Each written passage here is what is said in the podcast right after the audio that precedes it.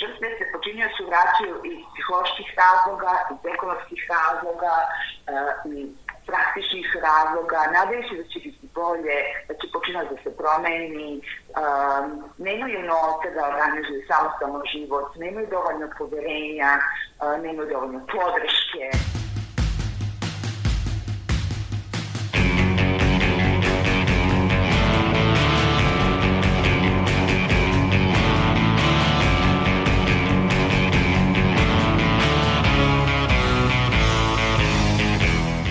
Slušate podcast Reagu i nezavisnog društva novinara Vojvodine. Moje ime je Sanja Đorđević, a na podcastu rade i Iva Gajić, Sanja Kosović i Irena Čučković. U ovoj epizodi bavimo se nasiljem u porodici, femicidu. Femicid ili ubistvo žene samo zato što je žena, prema mišljenju stručnjaka, motivisano je mržnjom, prezirom i osjećajem vlasništva i nadmoći nad ženama. U martu ove godine su u nedelju dana u Srbiji ubijene četiri žene. Prema izveštavanju medija u Zaječaru je ženu ubio komšija nakon nekoliko godina konstantnog maltretiranja koja je više puta prijavila nadležnjima. Žena iz Vranja preminula je u bolnici nakon što je suprug izbao nožem, a dve žene iz Beograda i Smederevske palanke ubili su sinovi. U istom periodu mediji su izvestili o najmanje sedam pokušaja femicida i nasilja prema ženama. Dok se sve ovo dešava, institucije nadležne za sprečavanje i borbu protiv nasilja prema ženama ne reaguju, niti se obraćaju uznemiranoj javnosti. Skoro svaki femicid je mogao biti sprečen i svaka institucija ima odgovornost i obavezu da radi na sprečavanju femicida, navodi se u zahtevu Udruženja građanki Femplac i preko 60 partnerskih organizacija. Slušamo prilog koji je pripremila studentkinja Katarina Maček. Vedrana Lacmanović iz Autonomnog ženskog centra Beograd ističe da informacije o femicidu imaju samo iz medija, kao i ceo region sem Hrvatske. U Srbiji prema izveštajima e, prikupljenim, odnosno izrađenim na osnovu medijskih izveštaja svake godine između 30 i 40 žena e, bude ubijeno od strane partnera ili člana porodice. E, moguće da je ovaj broj žena i veći budući da se podaci prikupljaju iz medija, a da svi slučajevi možda i ne dospaju u medije. Osim toga nema informacija o, to, o tome koliko žena umre od posledica uh, dugogodišnjeg trpljenja nasilja. Uh, kada govorimo o regionu, ni region, dakle, nema ovaj, neke detaljnije zvanične podatke. U, u regionu jedino Hrvatska ima takozvano uh, telo za, nadzorno telo za praćenje femicida ili takozvani Femicide Watch. Udruženja građanki Fem Plac objavili su istraživanje femicid i pokušaj femicida u Srbiji. Poredeći broj femicida u gradu i selu, 51% više se dogodio u gradu. Najčešći prostor gde se femicid dogodi je zajednički dom žrtve i počinioca i učionica. Kada se govori o sredstvima izvršenja, najveći broj femicida nije izvršen jednim, već sa više sredstava izvršenja. Eleonora Predin, influencerka iz Novog Sada, na svom Instagram profilu objavila je video na temu nasilja nad ženama i u saradnji sa SOS ženskim centrom objasnila gde i kako možemo da prijavimo nasilje, kao i na koji način su žene tamo zaštićene. SOS ženski centar pruža psihološku i pravnu podršku ženama koje trpe nasilje. Takođe, u okviru SOS centra postoji i savjetovalište za mlade, Što se neke statistike tiče, od početka godine SOS ženski centar je imao 37 poziva od strane žena koje su prolazile kroz neki oblik nasilja. Sigurna ženska kuća u Novom Sadu funkcioniše kao organizaciona jedinica Centra za socijalni rad. Psihološkinja i rukovoditeljka Sigurne ženske kuće u Novom Sadu, Nada Padejski-Šekerović, objašnjava da je važno prijaviti svaki slučaj nasilja u porodici. Važno je reagovati nakon prvog iskustva nasilja. Najčešće praksi se dešava da se nasilje prijavljuje policiji i policija preko broja 192 ili odlaskom ili pozivom najbliže policijske ispostave i jeste mesto gde treba prijaviti nasilje.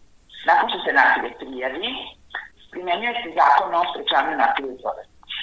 Zakon podrazumeva insisanje jedne ili obe hitne mere koje zapravo uh, služe tome da se spreči neposredna opasnost od nasilja, odnosno ponavljanje ili eskalacija nasilja i to mogu biti mera e, zabrane kontakta i prilaska žrtvi nasilja i može biti mera udaljenja počinjaca iz mesta stanovanja, bez obzira na to ko je vlasnik e, tog mesta stanovanja. Te mere važe nakon što policija donese naređenje o njihovom sprovođenju. Za tih 48 sati policija šalje dokumentaciju tužilaštvu koje vrši procenu situacije koja potom dalje obaveštava sud ukoliko se proceni da je potrebno da se mere produži.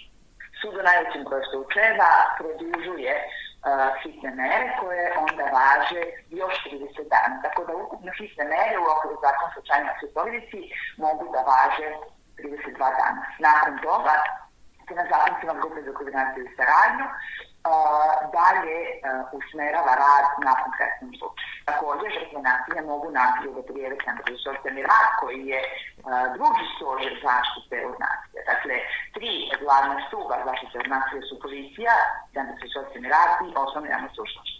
Sagovornica podcasta reaguje objašnjava i da je proces izlaska iz nasilja veoma kompleksan, kao i da se određeni broj žrtava nakon prijavljivanja nasilja vrati počiniocu smo dužni da primenimo sve oblike ime zaštite i podrške koje stoje na raspolaganju i da osnažujemo žrtvu da se ne vrati počinjocu nasilja.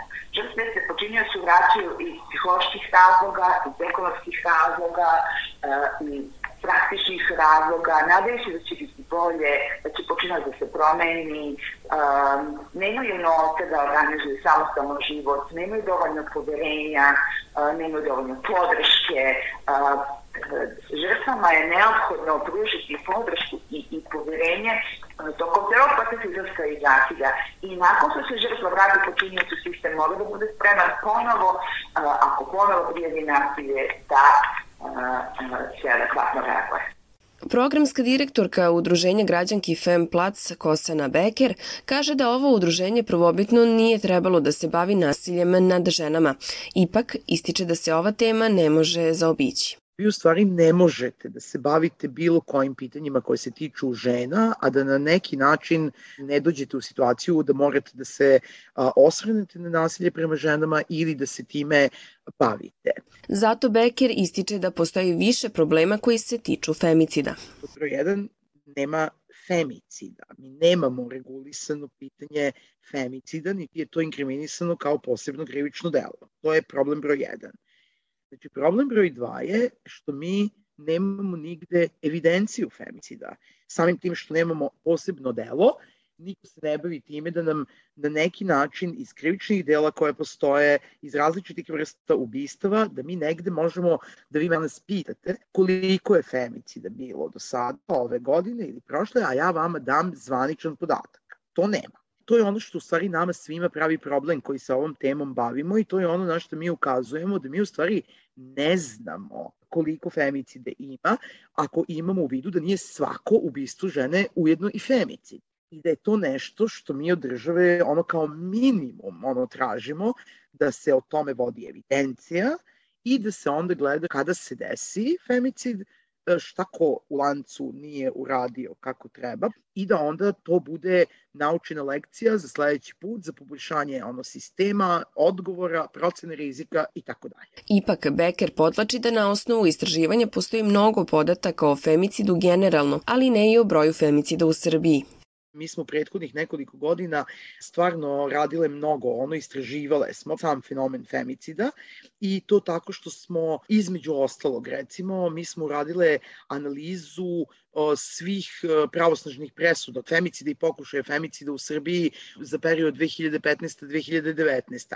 Tako da, u stvari, imamo mi sada mnogo podataka o tome e, kako se radilo, kakav je sudski epilog i tako dalje. Uradili smo istraživanje o stavovima zaposlenih u svim institucijama koje su zadužene za prevenciju i zaštitu nasilja i e, uradili smo razne modele kako treba da se prikupljaju podaci.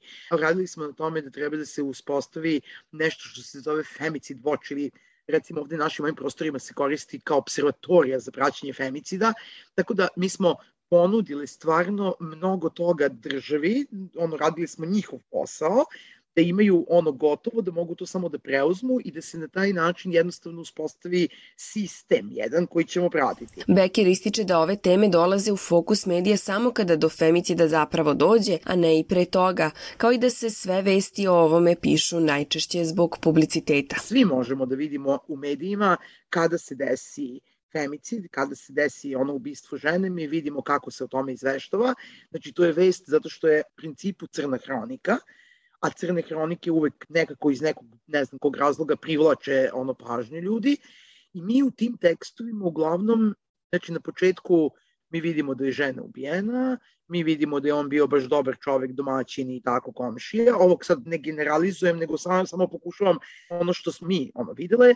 Onda vidimo posle dva, tri dana da je taj dobar domaćin i tako dalje, da se zna da je ceo komšiluk znao da maltretira ženu, da je ona prijavljivala nasilje, da institucije nisu reagovale. Na primer, ponekad se desi, znači ponekad se desi da nisu prijavljivale nasilje, ali je ovaj, u većem broju slučajeva ono u stvari uvek je neko znao znači šta se tamo dešava i onda nije bila adekvatna reakcija i onda na kraju je to završilo u nekoj crnoj hranici. I Kosana Beker iz Fem Placa ističe da postoji zakonom utvrđen lanac institucija koji bi trebalo da reaguje i rade na sprečavanju nasilja u porodici. Zakoni kao zakoni su u redu, znači oni su, mogu da kažem čak i dobri.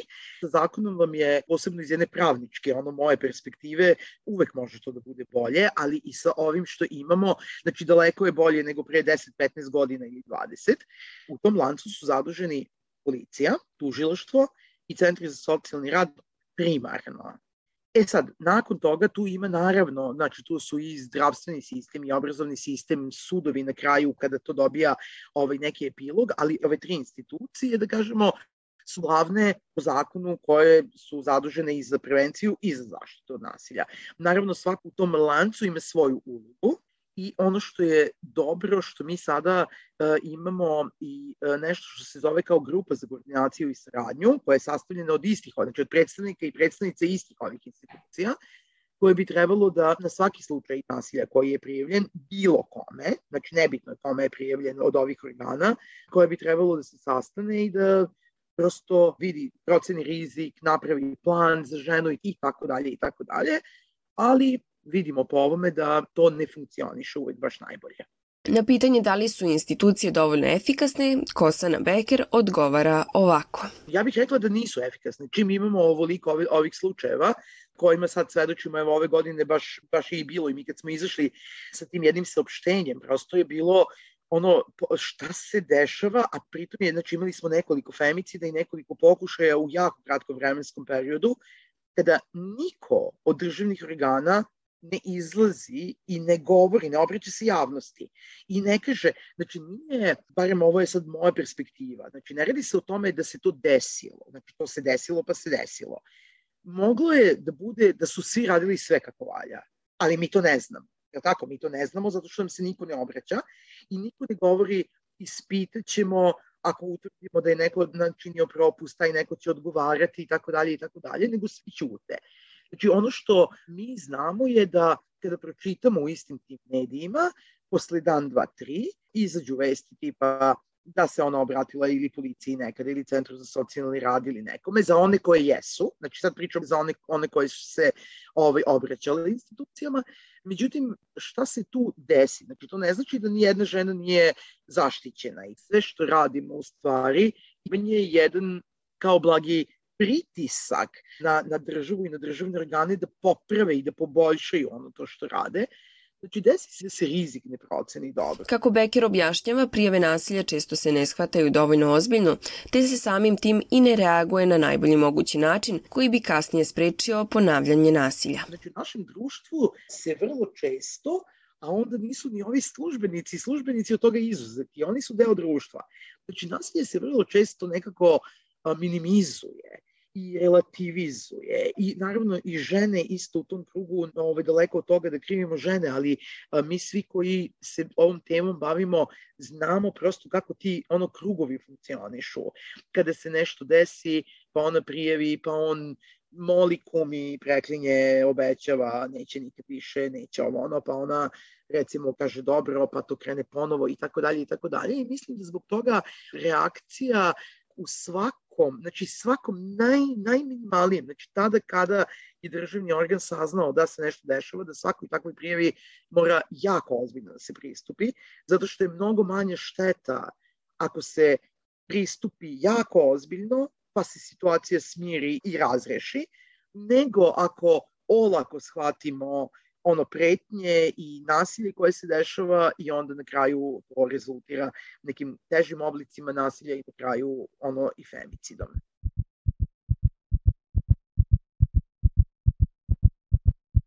Kako bi se nasilje u porodici smanjilo, neophodno je raditi na više frontova. Kosana Beker za podcast Reaguj objašnjava o kojim frontovima je reč.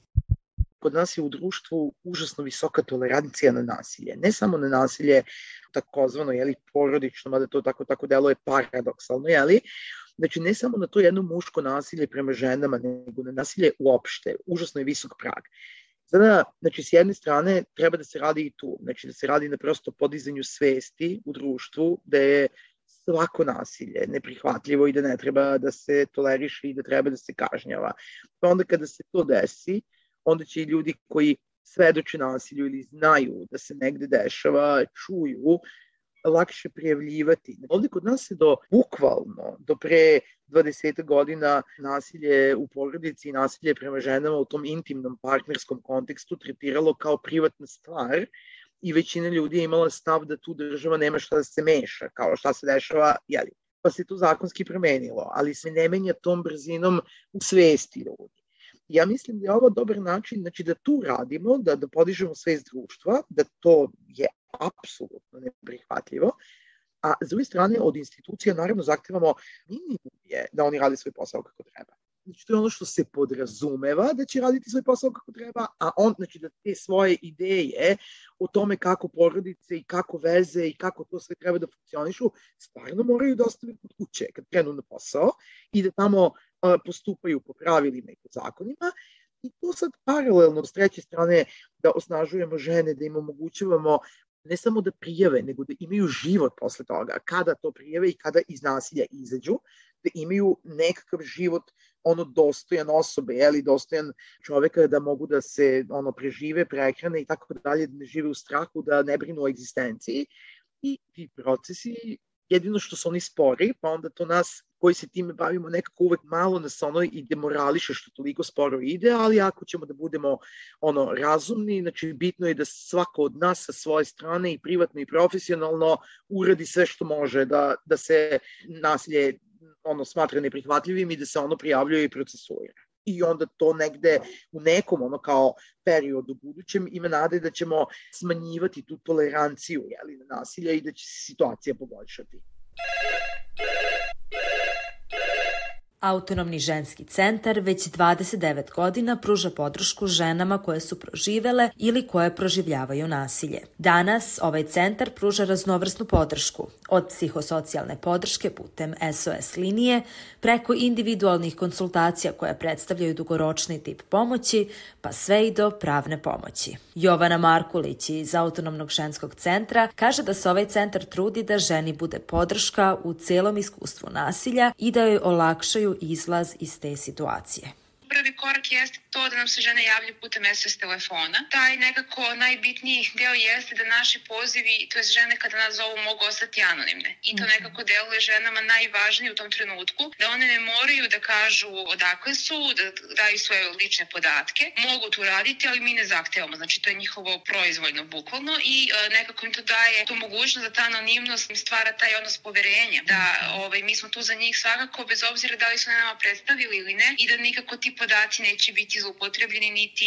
ove korišćeni za neke druge svrhe. Znači to je nekako njihova, njihova priča koja ostaje samo između nas, odnosno konsultantkinje koja razgovara sa tom ženom u, u tom datom trenutku. Tako da negde taj SOS telefon predstavlja za ženu tu prvu, da kažemo, kariku pomoći gde se žene uh, javljaju iz različitih razloga. Neke se javljaju zbog tog nasilja koje u tom trenutku preživljavaju, a neke se javljaju samo da pitaju da li to i to što im se dešava predstavlja nasilje. -hmm. Ono što na praksa negde govori jeste da sve žene žene koje pozovu su već nekako i prepoznale jer čim pozovu ovaj telefon negde se nešto dešava što njima nije prijatno, a to već jeste neki vid nasilja jer se mhm. nešto dešava što, što izaziva nelagodnost. Pored SOS telefona, ženama je dostupna i besplatna telefonska linija gde se mogu informisati o svojim pravima, o tome kako se prijavljuje nasilje, ali i o tome kako izgledaju sudski procesi. Markolić objašnjava sa kakvim problemama se najčešće suočavaju žene koje ih pozivaju. Postoji razni broj pitanja koje one postavljaju, ali negde sve opet zavisnosti od slučaja do slučaja. Negde jeste,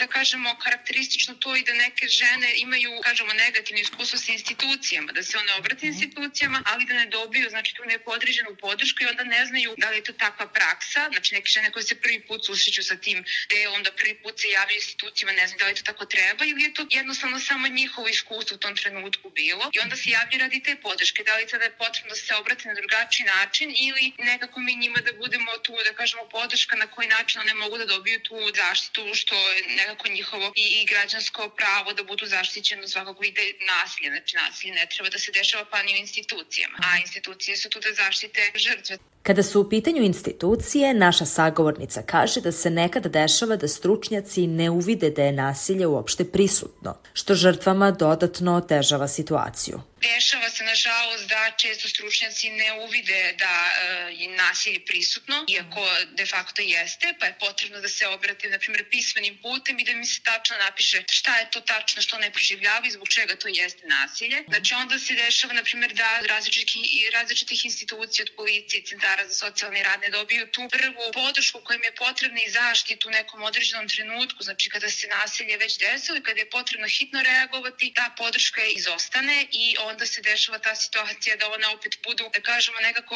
viktimizovani od strane institucije, da proživljavaju dvostruko nasilje, prvo od svog partnera ili supružnika, a onda posle od institucije, od onih koji treba da imaju, da kažemo, tu pomoć. Tako da negde u tom delu to se zavisi, ne kažem da, da, da je to česta pojava, nažalost dešava se, sve zavisi od senzibiliteta stručnjaka, od, da kažemo, različitih edukacija koje prolaze i od celog sistema. Što smo čuli od prethodnih sagovornica i Markulić podlači da je znak da je sistem zakazao i broj femicida koji su se dešavali od početka godine. Ono što jeste činjenica jeste da imamo i dobro reagovanje, ali nažalost i loši, to negde nam govore i femicidi koji su se dešavali od početka godine. Negde nam je to znak da, da je sistem zakazao. Tako da negde to su sve situacije kada sve to što sistem dugoročno ne, ne ispunjava, onda to na kraju se desi ta situacija da dođemo do toga da neke žene budu ubijene. Kao što smo prethodno čuli, naši zakoni jesu dobri na papiru.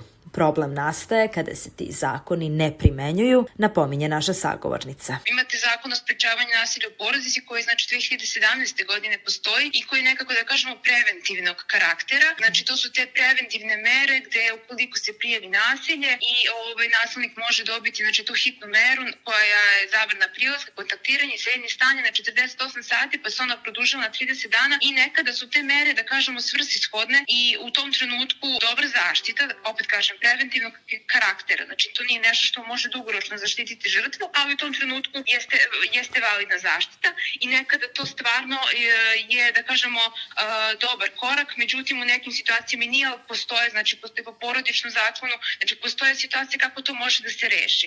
E sad, opet se vraćamo na senzibilitet stručnjaka i njihove procene, jer znači da bi se bilo koji u tom trenutku zaštita pružila, potrebno je znači da policija kad izađe na teren proceni rizik, pa da proceni, da proceni procena ta rizika bude opet, da kažemo, utemeljena i svrsishodna da se proceni da je to visok stepen rizičnosti, da se daje određene mere, a ne da se ovaj samo nekako taj događaj um, napravi kao da se nije ni desio ili da se umanji važnost svega toga i onda dolazi do toga da se to često ponavlja, a da žrtve više i ne prijavljuju jer vide da nema smisla. Jovana Markulić smatra da je edukacija stručnjaka, ali i građana najvažnija kada je u pitanju sprečavanja nasilja, da je potrebno da celo društvo, zajedničkim snagama promeni sam pogled na nasilje. Ja mislim da pomak svakako postoji u odnosu na ranije, to je evidentno, ali je potrebno još veća edukacija i negde da, da stvarno kada pozovemo žene da prijeve nasilje, da onda im pokažemo kada se prijevi da će dobiti zaštitu. Ono što Autoni ženski centar i radi jeste pravilne bezbedonosnog plana, znači mi ženu pre nego što uputimo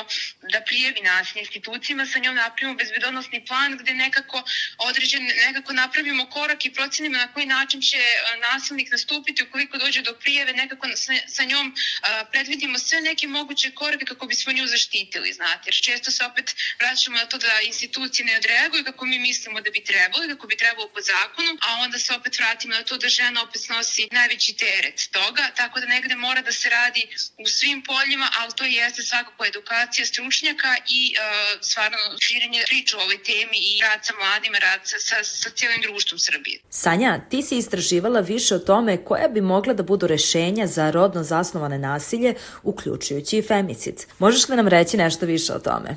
Tako je, Sanja. Pronašla sam istraživanje društveni i institucionalni odgovor na femicid u Srbiji, u kojem su, pored naše sagovornice Kosane Beker, autorke i Slobodanka Konstantinović-Vilić i Nevena Petrušić. U njemu se navodi da kako bi se femicid sprečio, neophodno je ukloniti njegove uzroke, što znači da je neophodno unaprediti položaj žena u svim oblastima društvenog života, kao i sistemski raditi na poništavanju rodnih stereotipa i obrazaca, unaprediti kulturu rodne ravnopravnosti, naročito u sistemu državne politike, kao i intenzivnije raditi na sprečavanju svih oblika rodne diskriminacije. Takođe je potrebno uključiti temu rodne ravnopravnosti u obrazovni sistem. Mediji bi trebali biti više empatičniji prema žrtvama rodno zasnovanog nasilja, njihovim prijateljima i porodici i samim tim bi trebali izveštavati u skladu sa kodeksom i moralnim načelima. Država bi trebalo da usvoji akcioni plan kojim bi se utvrdio adekvatan sistem prevencije rodno zasnovanog nasilja. Treba povećati sigurnost i zaštitu od nasilja sa smrtonosnim ishodom i smanjiti smrtonosne rizike za žene uvođenjem jednostavnih, efikasnih i brzih načina reagovanja kroz aktivnost SOS telefona, sigurnih kuća, prihvatilišta i skloništa za žene, kao i preduzimanjem drugih mera podrške i pomoći koje ne bi trebalo da zavise od toga da li je pokrenut krivični postupak ili ne. Efikasno sprečavanje femicida nije moguće bez dovoljno ljudskih, tehničkih i finansijskih resursa uz punu primjenu rodno odgovornog budžetiranja.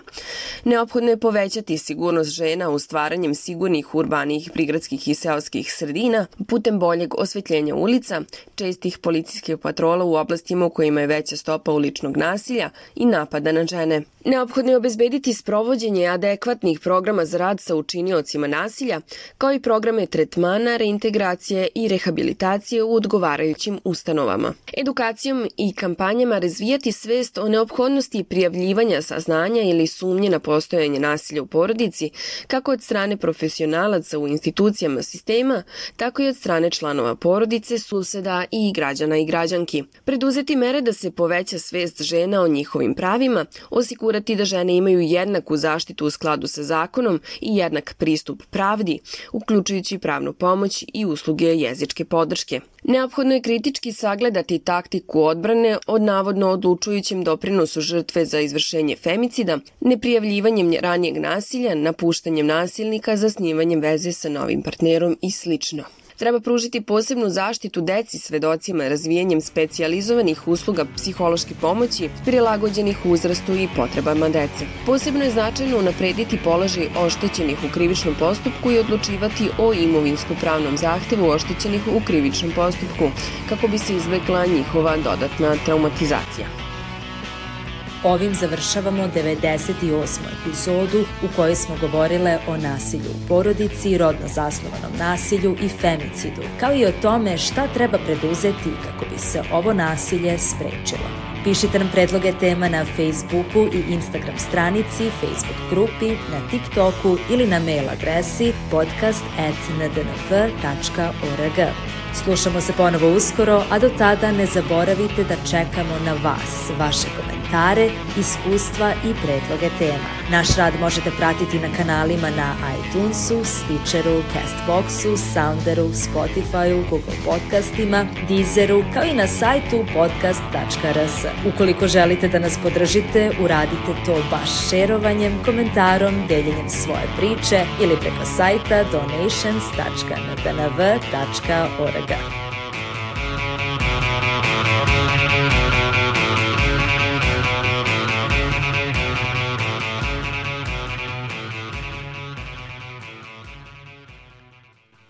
podcast je pripremljen uz finansijsku podršku Evropske unije. Stavovi izraženi u njemu ni na koji način ne odražavaju zvanično mišljenje bilo koje strane.